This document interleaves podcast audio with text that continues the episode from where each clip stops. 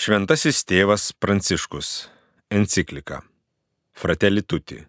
Apie brolybę ir socialinę draugystę. Jei tam tikras dalykas visada išlieka naudingas geram visuomenės funkcionavimui, ar ne todėl, kad už jos lypi amžina tiesa, kurią protas gali apčiuopti.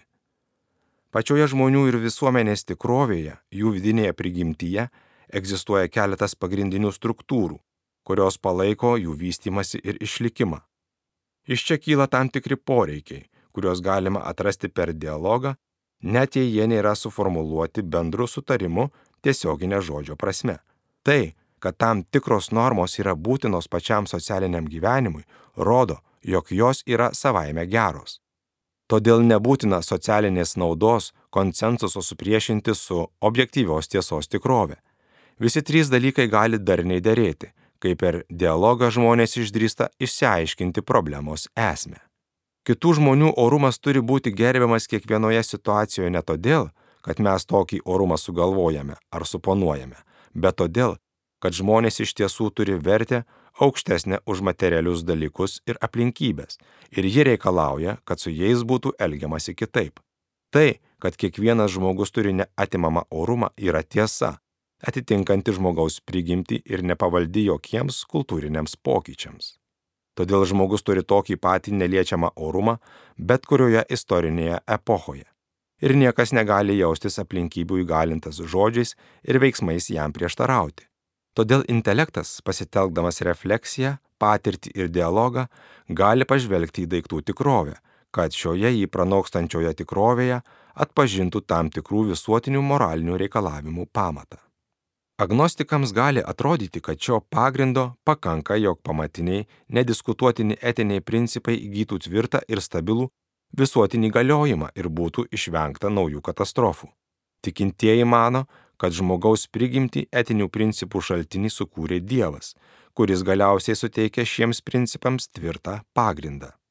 Tai nei įtvirtina etinio rigidiškumo, nei atveria kelią kokios nors moralinės sistemos primetimui, nes visuotinai galiojantis pamatiniai moraliniai principai gali duoti pradžią skirtingoms praktiniams normoms, todėl visat išlieka erdvės dialogui. Nauja kultūra. Gyvenimas tai susitikimo menas, nors gyvenime netrūksta ir susidūrimų. Daug kartų raginau ugdyti susitikimo kultūrą, kuri peržengia vienus su kitais supriešinančią dialektiką. Tai gyvenimo būdas, kuris siekia formuoti daugiabriaunę tikrovę, turinčią daug plokštumų, daugybę kraštinių, bet jos visos sudaro vienovę, kupina niuansų, nes visuma pranoksta dalį. Daugiabriaunio įvaizdis kalba apie visuomenę, kurioje skirtumai sugyvena, integruojami, praturtina ir nušviečia vieni kitus, net jei dėl to kyla diskusijų ir įtarumo. Iš kiekvieno galima ko nors išmokti Niekas nėra nenaudingas, niekas nėra nereikalingas.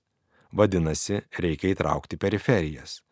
Ten gyvenančiųjų požiūris kitoks. Jie mato tikrovės aspektus, kuriuos sunku atpažinti žvelgiant iš galios centrų, kuriuose priimami lemtingiausi sprendimai. Susitikimas tapęs kultūra. Žodis kultūra reiškia kažką, kas persmelkia tautą, jos giliausius įsitikinimus ir gyvenimo būdą. Ji apima troškimus, interesus ir galiausiai konkrečiai žmonių grupiai būdingą gyvenimo būdą. Todėl kalbėti apie susitikimo kultūrą reiškia, kad mus kaip tauta uždega troškimas susitikti, ieškoti sąlyčio taškų, tiesti tiltus, kurti planus, kurie įtrauktų visus. Tai tapo siekiu ir gyvenimo būdu. Tokios kultūros subjektas yra tauta, o ne ta visuomenės dalis, kuri profesinėmis ir medijų priemonėmis siekia pacifikuoti likusius žmonės. Socialinė taika yra sunkus, kruopštus darbas. Pasitelkus šiek tiek gudrybės ir išteklių, nebūtų sunku suvaldyti laisvės ir skirtumus. Tačiau ši taika būtų paviršutiniška ir trapi, neskiltų nei iš ją palaikančio susitikimo kultūros. Integruoti skirtingas religijas yra daug sunkiau ir vyksta lėčiau, tačiau tokia integracija yra tikros ir tvirtos taikos garantas. Jos nepasieksime suburdami tik švariuosius, nes net žmonės, kuriuos galima kritikuoti dėl jų klaidų, gali prisidėti kuo nors, kas neturėtų pražūti. Socialinė taika nėra pasiekiama ir nutildant socialinės pretenzijas ar neleidžiant joms per daug triukšmauti. Nes tai nėra popierinis sutarimas ar vienadienė taika dėl laimingos mažumos. Aprūpinkime savo vaikus dialogo ginklais. Mokykime juos gero susitikimo kovos. Džiaugsmas pripažinti kitą. Tai reiškia įprastą gebėjimą pripažinti kito žmogaus teisę būti savimi ir būti kitokiam. Iš šio pripažinimo, kuris tampa kultūra, gali išaukti socialinis paktas. Nesančio pripažinimo išnyra subtilūs veikimo būdai, vedantys prie to, kad kitas taptų nesvarbus, nereikšmingas, nebūtų pripažįstama jo vertė visuomenės akise. Už tam tikrų regimo smurto formų atmetimo dažnai slepiasi kita, klastingesnė smurto forma - smurtas tų, kurie niekina kitokį, ypač kai jo reikalavimai kaip nors kenkia jų pačių interesams. Kai dalis visuomenės teigia, kad gali mėgautis viskuo, ką pasaulis gali pasiūlyti, tarsi vargšai neegzistuotų, tam tikro momentu susilaukiama pasiekmių. Kitų žmonių egzistavimo ir teisų ignoravimas anksčiau ar vėliau sukelia tam tikrą smurto formą, dažnai netikėtą. Svajonės apie laisvę, lygybę ir brolybę gali likti grinai formalios, nes jos iš tikrųjų skirtos ne visiems. Todėl dera siekti susitikimų ne vien tarptų, kurie turi įvairią ekonominę, politinę ar akademinę galę. Tikrasis socialinis susitikimas yra tada, kai užsimesga tikras dialogas tarp pagrindinių kultūros formų, atstovaujančių daugumai gyventojų. Gerų pasiūlymų skurdžiausi sluoksniai dažnai nepriima, nes jie pateikiami ne jų pačių kultūros pavydalu, su juo jie negali tapatintis. Todėl realus ir visus įtraukiantis socialinis paktas kartu turi būti kultūrinis paktas, gerbintis ir pripažįstantis skirtingas visuomenėje gyvuojančias pasaulyje žiūras, kultūras ir gyvenimo būdus. Pavyzdžiui, autochontų tautos nėra nusistačiusios prieš pažangą. Beje, jų pažangos samprata yra kitokia, kartais daug humaniškesnė lyginant su ta, kuri būdinga išsivyščiusių tautų kultūrai. Ši kultūra nėra orientuota į valdžią turinčiųjų, tų, kuriems reikia sukurti savotišką rojų žemėje gerovę. Netolerancija ir panieka vietinių žmonių kultūroms yra tikra smurto forma, būdinga gerumo stokojantiems etikos šalininkams, kurie gyvena teisdami kitus. Tačiau joks autentiškas, gilus ir subtilus pokytis nėra įmanomas, jei jo nėra siekiama iš skirtingų kultūros perspektyvos, labiausiai iš neturtingųjų žiūros taško. Kultūrinis paktas reikalauja atsisakyti monolitinio vietos tapatybės supratimo ir gerbti įvairovę, siūlant būdus, kaip ją skatinti ir integruoti į visuomenę. Šis paktas taip pat reikalauja įtraukti galimybę ko nors atsisakyti dėl bendrojo gėrio. Niekas negalės turėti visos tiesos ir patenkinti visų savo troškimų, nes tokia pretenzija reikštų norą sunaikinti kitą, paneigiant jo teisės. Netikros tolerancijos paieškos turi užleisti vietą dialogo realizmui. Ištikimai besilaikantieji savo principų turi pripažinti, kad kiti žmonės taip pat turi teisę laikytis savųjų. Tai yra tikrasis kito pripažinimas, kurį įgalina tik meilė ir kuris reiškia atsidurti kito vietoje ir atrasti, kokie autentiški ar bent jau suprantami yra jo motyvai bei interesai. Susigražinti geranoriškumą.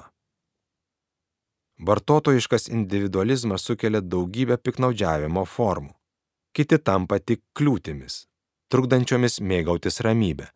Todėl žmogus pradeda juos laikyti nepatogumu ir agresija didėja. Tai išriškėja ir pasiekia įtin didelį mastą krizių, katastrofiškų situacijų, sunkmečio periodais, kai įsivyrauja kiekvienas už save dvasia. Tačiau vis dar galima pasirinkti gerumą. Yra žmonių, kurie taip elgesi ir tampa žvaigždėmis spindinčiomis tamsoje. Šventasis Paulius mini šventosios dvasios vaisių, pavartodamas graikišką žodį chrestotės, reiškianti laikyseną, kuri nėra širkšti, grubi, kieta, bet geranoriška, švelni, palaikanti ir guodžianti. Asmuo, turinti šią savybę, padeda kitiems, kad jų gyvenimas būtų lengviau pakeliamas, ypač tada, kai juos prislegia problemų, skubiai spręstinų sunkumų ir sielvarto našta. Tai bendravimo su kitais būdas, pasireiškiantis įvairiomis formomis. Geranorišku elgesiu, rūpinimus neįžeisti žodžiais ar gestais, pastangomis lengvinti kitų naštą. Tai reiškia pasirinkti žodžius, kurie geba padrasinti, paguosti, sustiprinti ar paskatinti, o ne tuos, kurie žemina, liūdina, erzina, niekina. Geranoriškumas tai išsilaisvinimas iš žiaurumo, kuris kartais persmelkia žmonių santykius, iš nerimo, neleidžiančio galvoti apie kitus, iš išsiblaškiusios skubos, nepaisančios to, kad kiti taip pat turi teisę būti laimingi. Šiandien retai kada randame laiko ir jėgų sustoti ir būti geranoriški kitiems, pasakyti prašau, atsiprašau, ačiū. Ir vis dėlto retkarčiais pasitaiko stebuklas. Malonus žmogus, kuris atideda į šalį savo rūpeščius bei skubą, kad atkreiptų dėmesį į kitą, nusišypsotų, pasakytų padrasinantį žodį, taip sudarydamas sąlygas įsiklausimo erdvėj vyraujančio abejingumo apsuptyje. Šiomis kasdienėmis pastangomis galima sukurti sveiką sambuvį, galinti įveikti nesusipratimus ir išvengti konfliktų. Gerumo praktika nėra nei smulkmena, nei paviršutiniškas ar miesčioniškas požiūris. Kadangi jis suponuoja pagarbą ir vertės pripažinimą, tapusi kurios nors visuomenės kultūra, ji iš esmės keičia gyvenseną, socialinius santykius, diskusijų ir idėjų sugretinimo būdą. Ji palengvina konsensuso paieškas ir atveria kelius ten, kur pasipiktinimas sugriauna visus tiltus. Skaitė Remigijus Endriukaitis.